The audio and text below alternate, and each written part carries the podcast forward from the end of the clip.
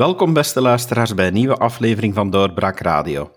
Weer tijd om de blik te werpen op de Verenigde Staten van Amerika. En dat doe ik dan uiteraard met onze kenners in die materie, Rowan Asselman en David Nijskes. Welkom, vrienden. Dag David. Dag David.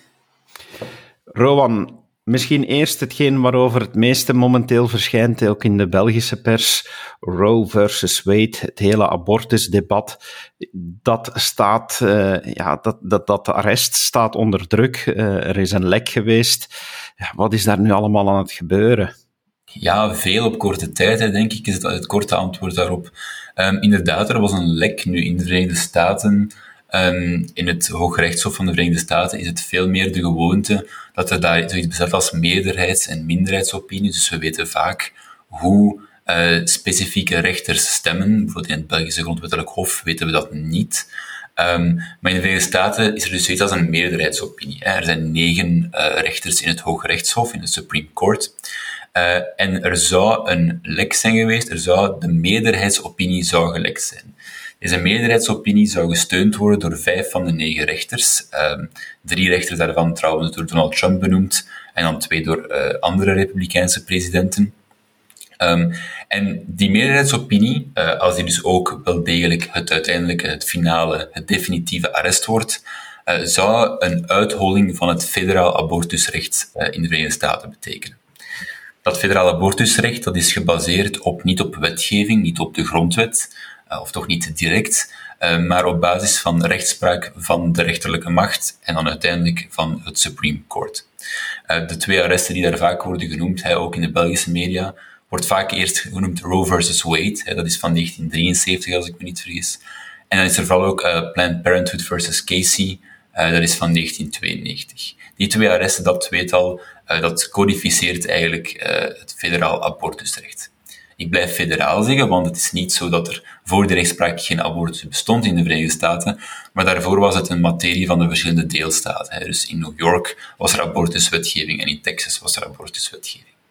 Nu, dat federaal abortusrecht, eh, zoals geformuleerd door het Hooggerechtshof, staat nu onder druk. Want wat uh, staat er in die meerderheidsopinie? Het Hoge Rechtshof zegt daar eigenlijk in het kort, we waren verkeerd. Uh, die arresten die we hebben uitgesproken, Roe versus Wade, Planned Parenthood versus Casey, zijn eigenlijk grove schendingen van de grondwet en we komen daar nu in 2022 op terug. Um, nu, ik heb, dat, ik heb die arresten, eh, Planned Parenthood versus Casey heb ik niet gelezen, maar Roe versus Wade wel. En ik kan wel beamen, um, als jurist, maar ook gewoon iemand die de Engelse taal machtig is, uh, dat die rechtspraak nogal um, losjes omgaat met de Amerikaanse grondwet. Eh, het federale abortusrecht wordt geput uit, uh, niet, uit een, niet uit de tekst van de grondwet, uh, maar uit het recht op privacy. Maar het recht op privacy, dat staat ook niet in de Amerikaanse grondwet. Dat wordt dan weer deels geput uit het recht op een eerlijk proces. Er wordt nogal door, door, door verschillende juridische hoepels gesprongen om er te komen. maar dat arrest is inderdaad voor kritiek vatbaar. En dat gebeurde ook de laatste 50 jaar sinds het werd uitgesproken. En nu vandaag in 2022 zegt het Hoge Rechtshof eigenlijk, um, ja, we hebben, we hebben de bal, de bal misgeslagen en we gaan terugkomen op onze eerdere rechtspraak. Maar dus het wilde eigenlijk dan wel zeggen, voor alle duidelijkheid, in tegenstelling tot wat sommige media hier laten uitschijnen, dat het Hooggerechtshof niet gaat zeggen, uh, we verbieden uh, abortus. Het komt er gewoonweg op neer dat diegenen die zich daar moeten over uitspreken in een democratie, met name de wetgevende macht, dat die terug aan zet komen in de verschillende staten om daar wetgeving over te maken. Ja, inderdaad. Dus het is een, eh, een voor een stuk een states rights issue. Hè? En dat is ook wat we uh, al gezien hebben de afgelopen tijd, is dat er staten uh, daar, uh, daarmee restricties zijn beginnen heffen. We hebben Texas gehad vorig jaar, als ik me niet vergis. Dus die daar die daarover begonnen is. En uh, er zijn andere staten, want het is in principe een states' right issue, omdat bijvoorbeeld alle criminele wetge dus wetgeving in zaken criminele zaken, zit in principe moord, dan bedoel ik moordzaken en dergelijke meer, zit in principe ook op, uh, is in principe ook allemaal op staatsniveau. Dus dat is in feite de reden dat er in principe, dat er in principe op staatsniveau zit, dat in feite abortus in feite ook altijd door de staten zou moeten worden gereguleerd. Dat is wat het Hooggerechtshof in die gelekte opinie blijkbaar. Dus Justice Alito. Justice Alito, eventjes benadrukken, Justice Alito is geen conservatieve scherpslijper. Hè.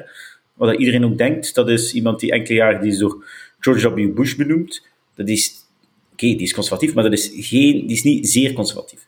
En dus, maar het zou dus in feite gewoon naar de staten gaan, waarbij je dus de situatie zou kunnen krijgen dat je dus in sommige staten geen abortus kan uh, uh, hebben en in sommige staten wel een abortus kan hebben. Zoals je bijvoorbeeld in België uh, maar, naar maar na drie maanden een abortus tot drie maanden kan hebben en in Nederland tot zes maanden en in Polen kan je het niet hebben. Dus dat is in feite de situatie die men zou creëren. Het is ook op die manier dat uh, het, het Hooggerechtshof eigenlijk uh, nu uitspraak doet of, of zal doen over deze materie. Er was, ik denk, het was uh, een concrete zaak uit Missouri, denk ik, als ik me niet vergis. Dobbs um, heet de zaak. Waarbij dat er een, ik denk dat het een heartbeat bill was. Dus dat er vanaf een bepaald aantal weken geen abortus meer mag gepleegd worden. Um, er was een lagere rechter die zei nee, dat is in strijd met de, met de Roe versus Wade rechtspraak. En zo, maar die, die, die wetgeving, die lokale wet, die statelijke wet, die was natuurlijk uitdrukkelijk aangenomen om in strijd te zijn met Roe versus Wade, zodat het Hooggerechtshof zich opnieuw zou kunnen uitspreken erover. Dus eigenlijk was dat een, een juridisch of een grondwettelijk trucje uh, om Roe versus Wade te proberen uh, onderuit te halen. Nu, David vermeldt daar ook uh, Samuel Alito, inderdaad. Wie zijn de andere vier rechters uh, die waarschijnlijk voor deze meerderheidsopinie zullen stemmen? Dat is uh, Clarence Thomas. Dat is een, uh, een, ik denk, het was Reagan of Bush senior, denk ik, dat hem die hem benoemd heeft.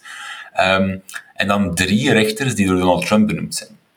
En ik, ik, er komt binnenkort, binnenkort ook een, een artikel van mij op doorbraak over, over deze materie.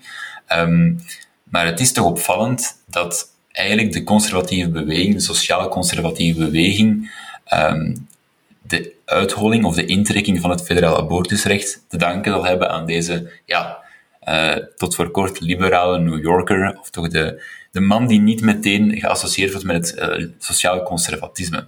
Want uh, moest Donald Trump in 2016 niet gewonnen hebben en moest Hillary Clinton president zijn geworden, dan was dit nooit gebeurd. drie van de vijf rechters die voorstemmen um, zijn uh, Trump-nominaties. Het gaat dan over Clarence, uh, het gaat, sorry, het gaat over Neil Gorsuch, uh, Brett Kavanaugh en Amy Coney Barrett.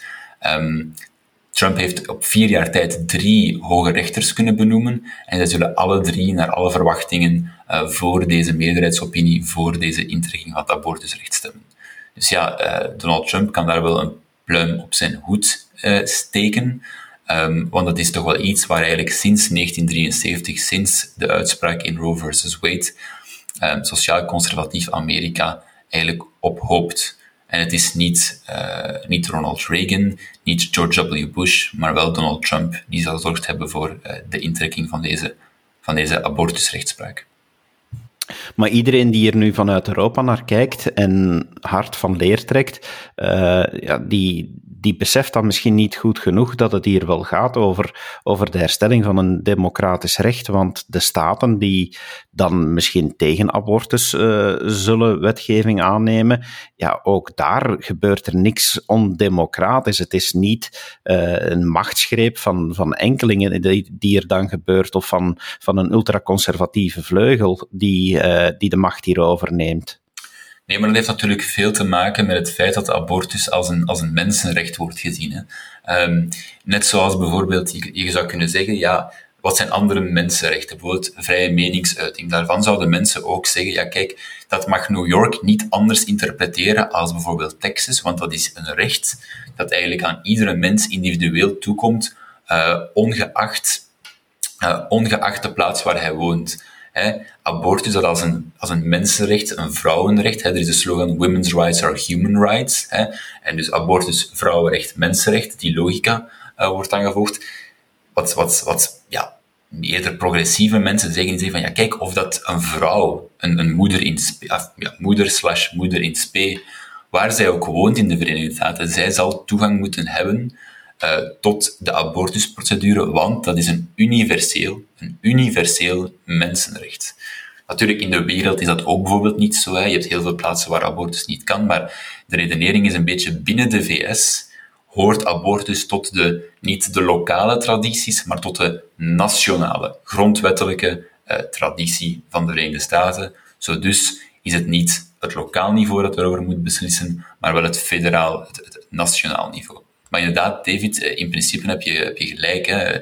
Wat er nu zal gebeuren is gewoon dat iedere staat zal kunnen stemmen over de manier waarop zij het menselijk leven in de baarmoeder willen beschermen. beschermen. Heel vlug, bij conceptie bijvoorbeeld, of zeer laat bij geboorte. Nu, dat zijn de twee extreme posities voor de duidelijkheid. Hè. En er, het gros van de wetgeving zal ergens tussen die twee vallen. Uh, maar dat is inderdaad wat er, wat er zal gebeuren.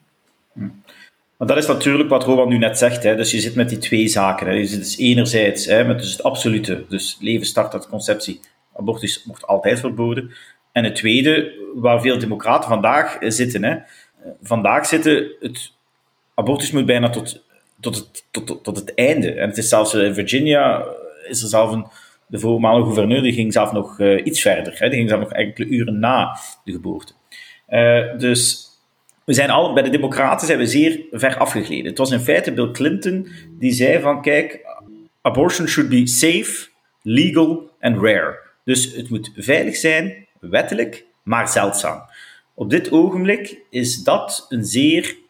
In de Democratische Partij is het zo dat je met die mening vandaag bijna niet meer aan de bak komt.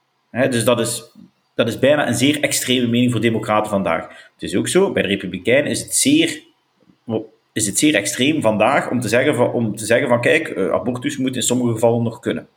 En we zitten natuurlijk met die, die wet die in Mississippi gestemd is, die in feite een beetje de aanleiding is geweest uh, van dit hele, die in feite zei, maar kijk, abortus moet gelimiteerd worden tot 15 weken. 15 weken na de conceptie. Ik kan niet zeggen 15 weken, dat is drie weken langer dan in België.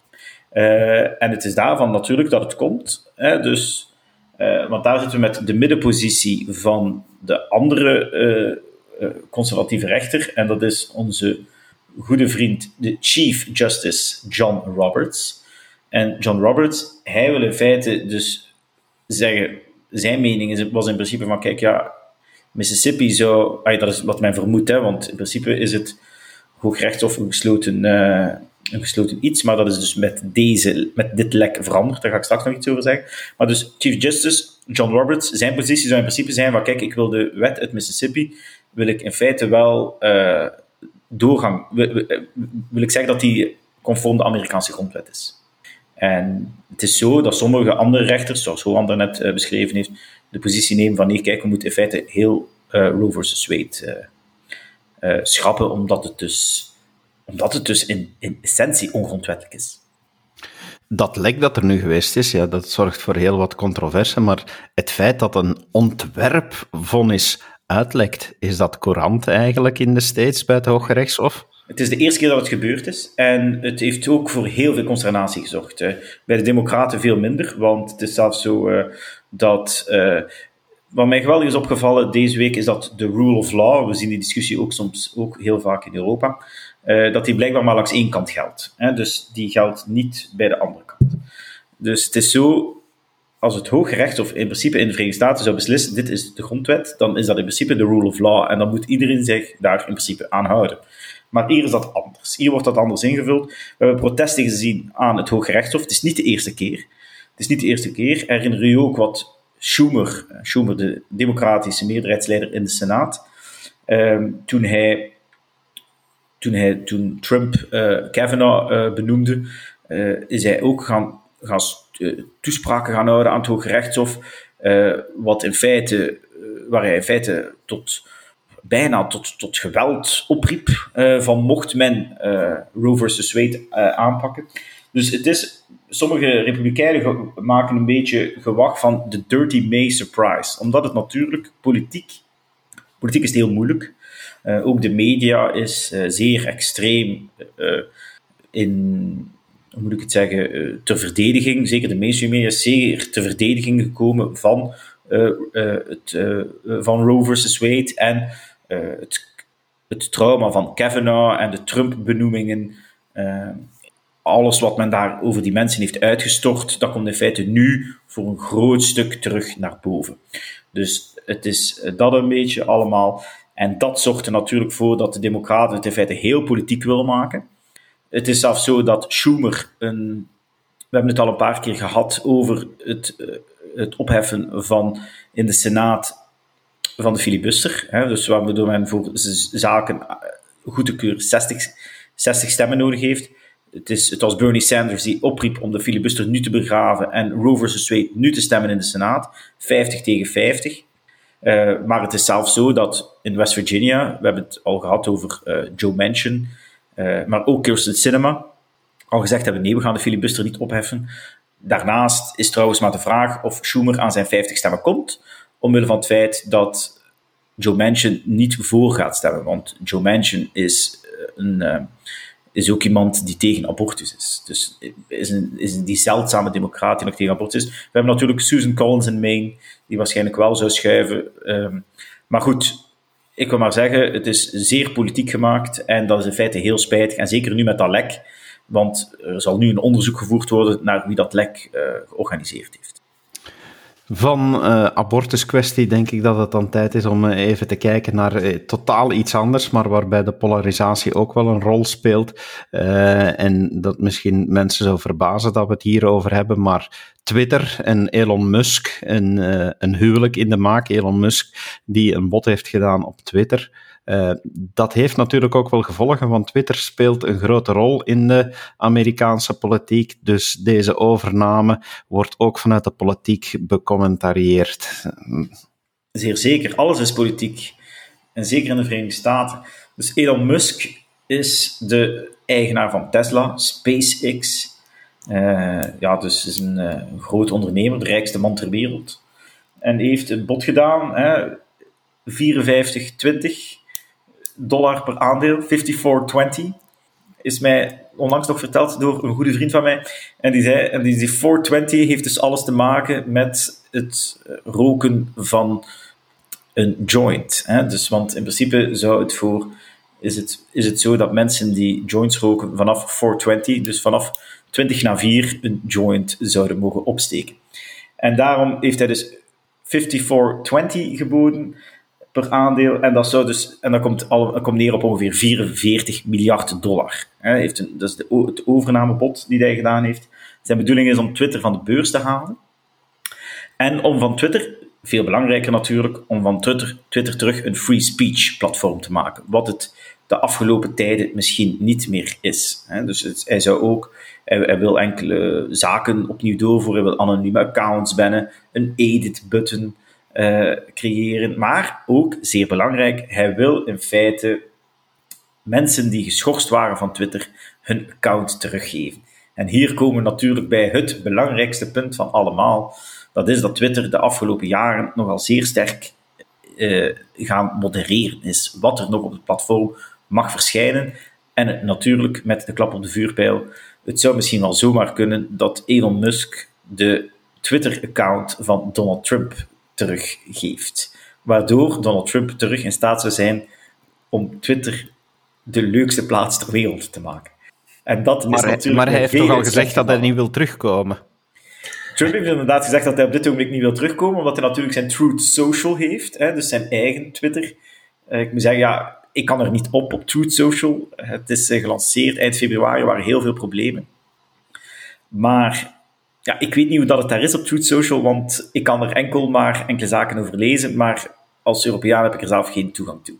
Het, lijkt me, het zou me zeer straf lijken moest Donald Trump uh, zich zou kunnen inhouden uh, om niet terug te keren naar die tientallen miljoenen uh, adorerende fans op, op Twitter. Dus het lijkt me zeer, zeer straf moest dat niet het geval zijn. Maar, maar het speelt wel, of het, het, het, het haakt wel in op iets, op iets diepers. Hè. Um, Twitter, is, Twitter is een betrekkelijk betrekkelijk klein platform.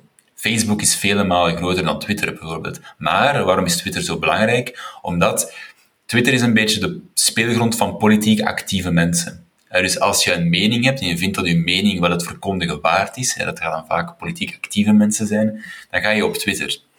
En dan zoek je retweets, dan zoek je likes, dan zoek je comments en volgers. Volg je mensen. Eh, mensen die het eens zijn met je vaak. Dus waar Facebook zo'n beetje, ja, het eerste Facebook is een beetje stervende, maar waar Facebook uh, de plaats is om memes te delen en profielfoto's te updaten, is Twitter veel meer een, een, een vrije meningsuiting platform dan, dan Facebook of dan bijvoorbeeld LinkedIn of, zo, of Snapchat. Ehm, dus daarom is, is de overname van Twitter zo belangrijk, want Twitter is eigenlijk een beetje het, het dorps, dorpsplein uh, van, van de 21ste eeuw, waar je vroeger, heel vroeger dan, uh, als je een mening te verkondigen naar het forum ging uh, en je probeerde daar de medeburgers te overtuigen. Eigenlijk is dat vandaag Twitter. Niet iedereen zit op Twitter, dat ik zeg, vele mensen, de meerderheid van de mensen zit niet op Twitter, maar de mensen die politiek actief zijn en die op hun beurt weer mensen gaan proberen te overtuigen, die zitten wel op Twitter. Dus daarmee dat het zo belangrijk is wie toegang heeft tot Twitter, wie toegang heeft tot het moderne dorpsplein. En Elon Musk zegt eigenlijk van ja, ten eerste, um, wij gaan voor maximum uh, accessibility, dus zoveel mogelijk mensen uh, toelaten om vrij te spreken op het dorpsplein. En ten tweede, ik ga zorgen voor transparantie. Ik ga de algoritmes vrijgeven. Ik ga zeggen van kijk, als er toch een shadowban is, of als toch iemand gemute wordt, of als toch iemand van het platform verwijderd wordt, dan gaat die persoon tenminste weten waarom. Want een van de grote punten van kritiek op de manier waarop Twitter momenteel gerund wordt, is dat als iemand van Twitter gegooid wordt, er enkel vage, een vage uitleg is over de guidelines of de policies van Twitter, maar dat die eigenlijk bijzonder um, ondoorzichtig zijn, weinig transparant zijn. Dat het vaak onduidelijk is waarom iemand van het platform wordt gegooid. En in de mate dat het duidelijk is, want soms zijn er wel bepaalde zaken die je echt niet zegt, dat het dan ook nog eens vaak gaat om een anticonservatieve, anti-rechtse bias. Bijvoorbeeld, een van de meest recente ontwikkelingen daarin is dat, het, dat Twitter problemen heeft met, um, als het gaat over transgenderisme, bijvoorbeeld mensen die um, die bijvoorbeeld zaken zeggen als een man is een man en er bestaat niet zoiets als transgenders. Nu, goed, je kan het daar eens of oneens mee zijn. Je kan zeggen transgenderisme is, is dit of dat. Uh, maar in principe, dat die mening verkondigd wordt, dat is ook al niet meer toelaatbaar op Twitter. Zo'n zaken bijvoorbeeld uh, zullen onder Elon Musk waarschijnlijk wel weer opnieuw mogelijk zijn, in zijn, in zijn strijd om van Twitter opnieuw het vrij toegankelijke dorpsplein, dorpsplein met vele straten, uh, vele kruispunten te maken. Ja. Ik, ik ga eens even de twee zaken die we nu al besproken hebben met elkaar verbinden. Want uiteindelijk er is heel wat discussie omtrent uh, de, de, ja, het standpunt van het Hoge Rechtshof, uh, het gelekt standpunt op dit moment. En, en deze zaak, als, je, als ik daar de rode lijnen in zie, dan zie je, dan zie je precies toch alsof uh, rechtsconservatief Amerika uh, grond begint in te palmen van de, de linkse kant. En is het daarom misschien dat ook deze Twitter-deal zoveel ophef veroorzaakt? Omdat er, ja, dat, dat dit ja, een, stuk, uh, een stukje grond is dat weggenomen wordt aan, het, aan de progressieve kant? Ja, ik vind het zeer opmerkelijk uh, dat, je dat, uh, dat je die opmerking maakt, David, want ik heb die ook wel een beetje uh, gema gemaakt afgelopen dagen. Ik was er ook een beetje over aan het nadenken. Het is een beetje mijn hoofd. Het is inderdaad precies alsof dat rechts in Amerika een beetje aan de winnende hand is. Um, maar ik denk dat, ik denk dat een, een, een de lente niet, de zwaluw de lente niet maakt. Maar ik denk als je kijkt naar wat Elon Musk gedaan heeft. Want Elon Musk was in principe tot voor kort een beetje, was niet echt populair of zo in rechts- of in linkse kringen, maar conservatief Amerika had niet de indruk dat Elon Musk een grote, een grote bondgenoot was of zo. En het is op zich ook geen bondgenoot, want wat, in feite, wat Elon Musk in feite gewoon wil doen, is vrij meningsuiting herstellen. En dat is in principe geen rechts iets. Dat is niet iets wat men in principe aan de rechterzijde uh, terugvindt. Vroeger was het zo dat men vooral aan de linkerzijde vrije meningsuiting belangrijk vond. Dus wat Elon Musk nu in feite doet, is voor een groot stuk gewoon vrije meningsuiting herstellen. Dat is in principe wat hij doet. Maar het is inderdaad wat je zegt van kijk, wat jij nu net, opmerkt, is ook een brief die uh, verstuurd is naar allemaal uh, grote bedrijven deze week. En dat is, uh, dat is een brief die ondertekend werd door een 26-tal organisaties. En als men, en dus in die brief die naar grote bedrijven is gegaan, heeft men gezegd van kijk, uh, dus er zijn, ze hebben drie punten. Eén, dat de accounts van de mensen die geband zijn uh, omwille van, uh, van pesterijen, geweld of hateful conduct, hè, dat, kan heel, dat kan natuurlijk heel zeer breed geïnterpreteerd worden, dat dat blijft. Dus dat er niet enkel transparantie komt over het algoritme, maar ook accountability. En dan ook, en dat er het algoritme moet depolariseren. En dan ook uh, to transparency and research. Um, dus, dus transparantie en het uh, en onderzoek, en onderzoek mogelijk maken. Nu, het gaat natuurlijk voornamelijk over die eerste. En als je kijkt, die, die organisaties, uh, die zeggen van kijk, uw merk, want Elon Musk gaat ervoor zorgen dat het een, een platform van haat wordt, omdat vrije meningsuiting er ongebreideld zal kunnen plaatsvinden. Zal het voor haat gebruikt worden, extremisme, uh, gezondheidsdesinformatie en voor uh, conspiracy theories, hè, dus uh, samenzweringstheorie. Platformen voor samenzweringstheorie. En daar mag u uw bedrijf toch niet mee verbinden. Nu, zeer opmerkelijk, wie geeft nu geld aan die organisaties? Want dat is toch ook een keer. En dat heeft natuurlijk uh, de, stoute, de stoute Elon Musk heeft dat getweet. Hè, toen, die brief, uh, toen die brief bekend raakte, heeft hij, eens, heeft hij daar een tweetje over gemaakt. Over wie zit achter die organisaties? Wie geeft daar geld aan? En hij zei erbij van: zonlicht is de beste, de beste, beste disinfectant. En wat zien we?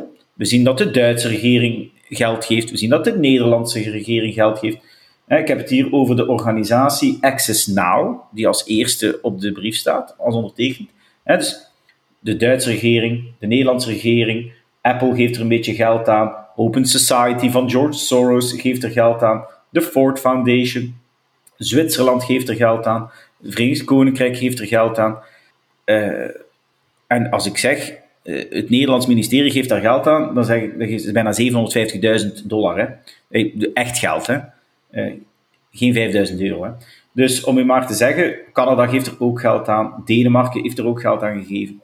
Dus ik wil maar zeggen, het is toch zeer opmerkelijk dat dergelijke organisaties zich daartoe lenen. En het zijn allemaal, het is, en ook bijvoorbeeld Black, Lives Matter en zo, de Global, de, de global Arm, heeft, heeft dat ook getekend en dergelijke meer. Dus ik wil maar zeggen, het is toch zeer opmerkelijk dat het net vanuit links komt, zijnde die uh, het absolute doel om die vrije meningsuiting te gaan, te gaan beperken. Ja, want links doet hier natuurlijk nu enorm lelijk over. Er wordt er wordt gelukkig een goed debat uh, over gevoerd. Alhoewel goed, ja, uh, vanuit de kant van links uh, zitten er dan toch wel regelrechte aanvallen op. Maar uiteindelijk de vraag die Elon Musk over Twitter stelt en wat hij wil herstellen is inderdaad over het beleid. Want uh, ja, je ziet dat bijvoorbeeld iemand als Donald Trump uh, geschrapt werd, maar dat een uh, leider van de Taliban, die toch in zijn tweets ook echt wel oproept tot geweld, dat die wel wordt toegelaten. Dus ja hoe reageert dan eigenlijk de andere kant? Hoe reageert het conservatieve kamp op, op deze zet? Conservatief Amerika is heel blij. Eh, zeg maar, Roman. Nou, nee, het maakt niet dat we hetzelfde gingen zeggen, blijkbaar. Uh, nee, conservatief Amerika is daar zeer blij over. Hè. Um, zij voelen natuurlijk aan de laatste jaren dat Twitter... Twitter heeft een beetje een bait and switch gedaan. Hè. Uh, om dat te duiden, dat is... Twitter um, presenteerde zichzelf lang als het free speech platform. En dus iedereen kon naar Twitter komen. Ik zei juist al dat Iedereen kon naar Twitter komen en zijn mening verkondigen. En dan één keer dat ze iedereen op hun platform hadden geüpload, iedereen was daar, iedereen gebruikte Twitter om die reden, dan zijn ze aan content moderation beginnen doen. Dan zijn ze beginnen zeggen van, oh, wacht, sommige meningen, en dan natuurlijk vooral, vooral conservatieve meningen, die gaan we dan toch niet toelaten. Maar natuurlijk, al die conservatieve stemmen, uh, die waren ondertussen op Twitter. Dus die hadden van Twitter ook een belangrijk, ja, belangrijk item gemaakt in hun hele advertising, in, in hun sociale media presence. Um, dus plots werden zij daar, ja, ofwel werden hun, werd hun traffic, hè, werden, hun, werden hun kliks verminderd, artificieel, ofwel werden ze volledig verbannen. Dus dat dit nu zou beëindigd worden, betekent natuurlijk uh, voor conservatief Amerika een grote, een grote overwinning. Maar per slot van rekening, Twitter is een privébedrijf, gaat dan nu eh, waarschijnlijk ook van de beurs afgaan. De manier waarop dat zij beslissen wat er op hun platform mag, ja, dat is eigenlijk toch gewoon aan Twitter om dat te bepalen. Ja, exact. Het is inderdaad aan Twitter om dat te bepalen. En dat was vroeger, en dat is het standpunt waar men ons een jaar, uh, één à twee jaar geleden mee heeft uh, om het hoofd geslaan. Hè, zijnde van uh, ja, maar ze mogen Donald Trump bannen, want het is een privaat platform. En nu is het opeens van, het is een privaat platform, Donald Trump mag erop. Nee, er moet regulering zijn. Dus dat zijn in feite een beetje, dat is een beetje, een de gedachtenlijn die vele mensen hebben afgelegd het afgelopen jaar. Heel belangrijk nog om te vermelden, dat is dat je bij Twitter, en, en bij Twitter is het extremer dan in andere big tech organisaties, dat is dat de werknemers zeer extreem zijn. En wat we doen, zeer extreem, zeer extreem democratisch. Als je ziet dus dat de 99% van alle politieke donaties van mensen die bij Twitter werken, 99% gaat naar de democraten. 99%. Ze zijn daarmee het, het bedrijf waarvan het minst percent, percentueel gezien naar de Republikeinen gaat. Dus om maar te zeggen dus dat, er, dat er daar een geweldige interne druk op het management was, op het management was om uh, Twitter, uh, om, om Twitter ook uh, te gebruiken om rechtse stemmen te cancelen. Nog één voorbeeldje, de Babylon Bee is een rechtse satirische website, een christelijk satirische website, die gezegd had, we hebben het in het begin van de benoemingen over, bij Joe Biden, er is een, er is een transvrouw, iemand die eerst man was en nu vrouw, benoemd door Joe Biden op een belangrijke post in de regering. En Babylon B had die persoon uitgeroepen tot man van het jaar en is daardoor geband geweest van Twitter. Wat een pure grap was, hè, satire. Hè. Bill Maher, de bekende uh, progressieve komiek, hij zei van kijk, uh, Twitter, you failed. Jullie hebben de Hunter Biden story geblokkeerd. Hè. Ze hebben de, account van de New York Post daarvoor geblokkeerd. De Hunter Biden story was waar. Hè. Twitter heeft dat geband ook de Babylon Bee hebben ze geband, omwille van wat ik daarnet gezegd heb. En Bill Maher zei van, kijk, Twitter, is zeer simpel. Uh, you failed. It's time to put a new sheriff in charge. Wel, Twitter is dan inderdaad privé, maar je ziet dan toch dat het uh, heel wat teweeg brengt en dat men enorm uh, snel op de achterste poten staat, omdat het nu eenmaal een medium is dat informatie verspreidt. Maar dan zie je toch ook dat tegelijk in Amerika dat, je, dat je moet de wenkbrauwen misschien gaan fronsen, want wie Orwell heeft gelezen en de Ministry of Truth kent, die, die zal misschien dan toch ook wel opkijken en enige gelijkenissen zien, want Joe Biden heeft uh, net een disinformation board opgericht. Is dat een Ministry of Truth, Rowan?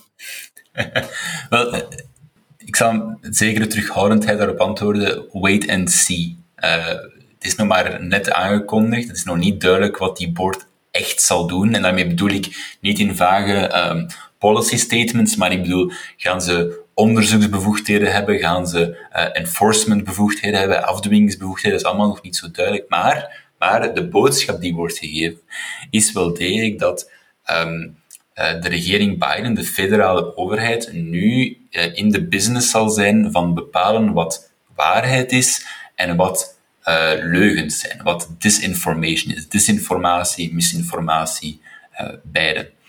Ja, de Ministry of Truth, ja. Dat is natuurlijk meteen de vergelijkenis, die, de vergelijkenis liever, die, die werd getrokken door conservatief Amerika. En iedereen die wel eens een Orwell-boek heeft gelezen, nu, ik, ik, denk, we zullen even moeten afwachten wat nu net de bedoeling wordt, maar het is in ieder geval een soort van subagentschap uh, binnen het ministerie van Nationale Veiligheid, um, dat zich zal bezighouden met uh, combating, hè, dus het terugvechten tegen disinformatie. Nu, is dat toevallig dat dat gebeurt nu dat Elon Musk uh, Twitter overneemt? Um, wel, zo, zo, van die plannen die zijn vaak wel enkele maanden in de pijplijn voordat die worden aangekondigd. Dus laten we ze de, de um, benefit of the doubt geven en zeggen dat die twee niet gelieerd zijn. Maar het komt in ieder geval wel goed uit dat het moment dat een privéonderneming zegt van kijk, wij gaan minder modereren op ons platform, dat de overheid zegt, wel dan zullen wij zorgen dat er iets meer gemodereerd wordt, opnieuw onder voorbehoud van wat de uh, exacte bevoegdheden van dat agentschap zijn. Qua marketing moeten ze wel eens iemand inschakelen, denk ik, want de afkorting van dit orgaan. Hmm. DGB, ja. Ja, de, de KGB hè, um, is natuurlijk de, de, de, gelijkenis die dan ook wordt gemaakt. Ja, de, de, qua politieke marketing kan de regering Biden wel iets leren van, ik zeg zomaar, de Trump-campagne in 2016. Uh, want die waren er wel een stukje beter in. Ehm, maar ja, zoals ik zeg, misschien, we proberen elke drie weken hier met, ons drieën samen te zitten. Misschien over drie weken weten we er iets meer over. Ehm, maar het, het, het, ziet er toch allemaal niet zo goed uit, niet zo, niet zo kosher uit. Het is wel zo dat de Republikeinen gezegd hebben dat ze een wet uh, gaan uh, neerleggen om, het, uh, om dus de funding op nul te zetten. daarvoor, het congres kan daartoe beslissen. En ze hebben nu al gezegd dat het in het platform zal staan voor de midterms in november om deze Disinformation Board af te schaffen. En daarmee zijn we dan bij die midterms aanbeland. Uh, dat is nog, nog even van ons verwijderd, maar uh, dat begint toch al zijn aanloop te kennen nu. Uh, hoe ver staat het daar eigenlijk, David? Wel, we hebben voorverkiezingen gehad, hè? of we zitten in een periode van voorverkiezing, moet ik zeggen. Dus het is zo op dinsdag, dinsdagnacht voor ons, woensdagochtend is dat dan, is het ehm, in Ohio. Ohio was vroeger een staat die een beetje Republican-leaning was. Maar het is wel zo dat Barack Obama daar won. Maar Ohio is ondertussen een echt, onder Trump is dat een echt republikeins staat geworden. En het is zo dat men daar heeft men voorverkiezing gehad voor de belangrijke senaatzetel, waar men, eh, als ik me niet vergis, Rob Portman gaat vervangen. Rob Portman is een, is een republikein, een gematigde republikein, die er al lang zit. En hij stopt ermee en hij wordt nu en de Republikeinse kandidaat is deze week aangeduid. En dat is gekomen, en die man is J.D. Vance, is daar uitgekomen. J.D. Vance is een, is een man heel interessant, is heel jong, is 37 jaar. 37, 38 jaar. Hij heeft een boek geschreven, Hillbilly Eulogy, uh, waar hij uh, spreekt een beetje over de teleurgang van het uh, Midwesten en dergelijke meer, een beetje teleurgang van arbeidersgezinnen en zo. Dus J.D. Vance was iemand die zelf dus in feite een beetje zo de spark. Het was in feite, zijn boek kwam uit in 2016. Het, het, het, het kleefde in feite redelijk goed aan bij wat Trump in feite ook deed. Maar J.D. Vance was niet onder de indruk van Trump, ver van. Hij was tegen Trump. En hij heeft dan, zoals vele andere republikeinen, zoals we onder andere ook Mark Levin hebben, uh, heeft hij zijn mening over Trump bijgesteld in de jaren dat Trump president geworden is. En hij zegt zelf dat dat gebeurd is tijdens de Brett Kavanaugh hearing. Dus J.D. Vance heeft, uh, heeft dan, uh, is, nu, dus, is nu aangeduid, heeft die voorverkiezing gewonnen bij de Republikeinen. Maar hij stond op drie tot, voor tot enige tijd geleden. En het is maar op het moment dat Trump hem gesteund heeft, dat hij gewonnen heeft. Hè. Dus het is zeer duidelijk, dankzij de steun van Trump is hij gewonnen. Dus Trump versterkt zijn interne positie in de partij. Er waren ook 22, uh, eh, er waren in totaal 22 voorverkiezingen. En de, of laten we zeggen, er waren 22 kandidaten die door Trump gesteund werden. En die 22 kandidaten zijn allemaal verkozen. Zijn allemaal aangeduid geweest als de, in de, als de Republikeinse kandidaat in november. Dus, dus Trump een bedevaart naar, een bedevaart naar Mar Maragogo, eh, de helpt Mar-a-Lago. Uh, Mar-a-Lago, ja. Uh, dat helpt, uh, maar ik denk, Trump is zelf ook gegaan. Hè? Dus hij, zit, hij, is ook, hij is ook overal rallies aan het houden om mensen te steunen. dus, en vergeet niet, ja, hij versterkt zijn interne positie in de partij. Hij steunt die mensen nu. Die mensen hebben geen andere keus van direct op het moment dat Trump zich kandidaat zal stellen. En dat zal gebeuren. Hè, dat zal gebeuren. Volgens mij zal dat gebeuren zeer snel na de midterms, waarbij dat je direct alle zuurstof uit de mogelijke voorverkiezing neemt. En eh, zal Trump zich kandidaat stellen en zijn maar, u mag er zeker van zijn, al die nieuw verkozen mensen die allemaal verkozen zijn in de Republikeinse voorverkiezingen of in de midterms door de steun van Trump, die in november, de eerste week van november, de laatste weken van oktober, gaat Trump overal in de Verenigde Staten toespraken gaan houden om mensen te steunen, rally season. Hij gaat ervan genieten de mensen gaan ervan genieten. Ze gaan zijn kandidaat verkiezen en hij, gaat, en hij zal onverslaanbaar zijn in een mogelijke voorverkiezing. En die volgens mij een soort van kroning zal zijn. En dan in 2024 zullen we zien of hij erin slaagt om opnieuw president te kunnen worden. Ja, de, de power van Donald Trump in voorverkiezingen blijft duidelijk. Hè. Ehm, J.D. Vance, uh, ik, ik heb daar wel persoonlijk ook sympathie voor. Uh, een paar interviews naar geluisterd, interessante man. Um, maar in de voorverkiezingen, Ohio ja, lustte hem niet echt. Um, hij, tweetal peilingen vlak voor uh, de endorsement van Donald Trump toonde aan dat Vance maar peilde op 10%. Um, van, alle, van de, laten we zeggen, vijf serieuze kandidaten. Dat, dat zorgde ervoor dat hij op plaats vier stond. Uh, twee keer achter elkaar. Donald Trump endorst en hij schiet meteen naar één en stijgt met 20 procentpunten. En wint uiteindelijk ook, ik denk met een 6, 7, 8 tal procentpunten, 9 misschien, zoiets, 9 procentpunten, de voorverkiezing.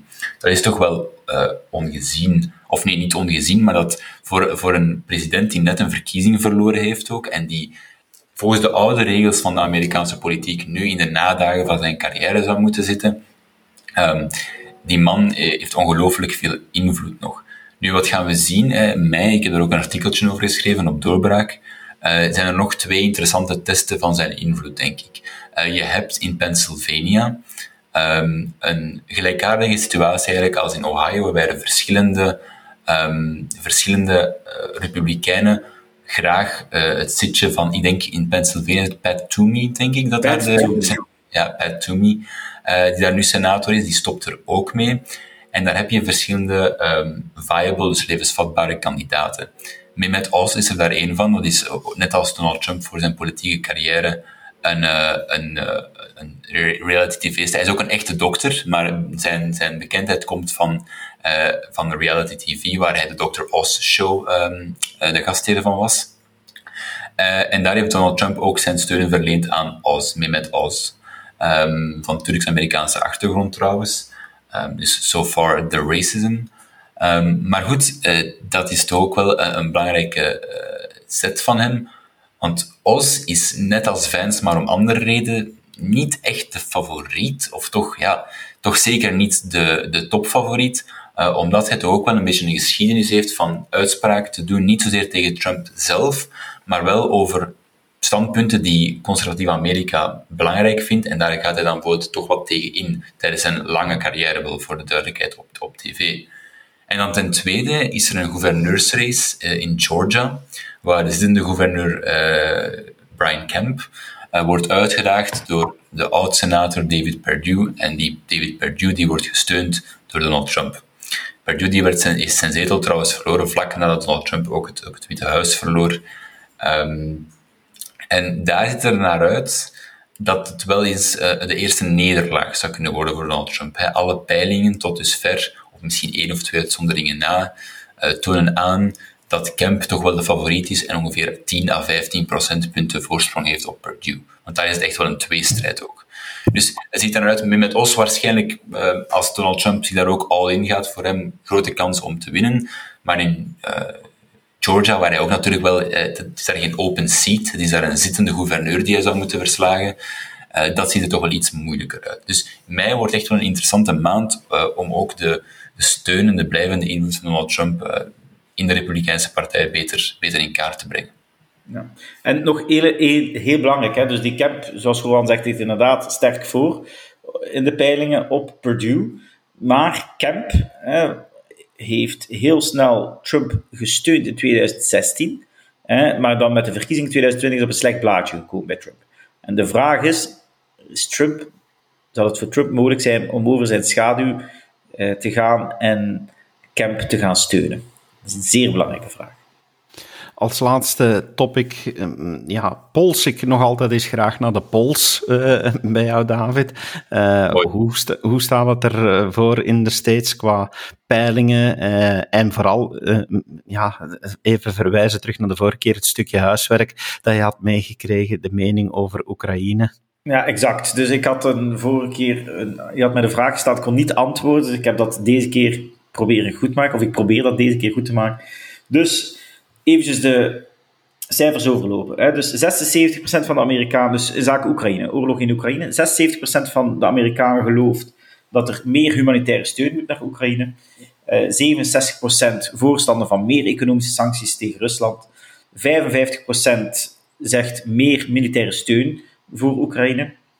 Maar 72% is tegen directe militaire actie in, uh, tegen Rusland. En 42% steunt Biden zijn behandeling van de invasie. Uh, en dat is toch gestegen vanaf van 33% in, toen het startte in februari. Dus uh, dat is een beetje, dat komt ook neer. Dus Biden heeft steun, extra geld beloofd voor Oekraïne. Militaire steun ook. Dus dat ligt in feite min of meer in, in de lijn der verwachtingen. Het is wel zo, Amerikanen blijven uh, in zaken inflatie zeer bezocht.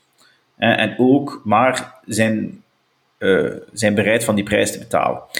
Uh, ook één opmerkelijk nog voor ons, twee zaken zeer opmerkelijk. 81% van Amerikanen is, um, is toch bezorgd over het feit dat het zal uitslaan naar de rest van Europa, het conflict.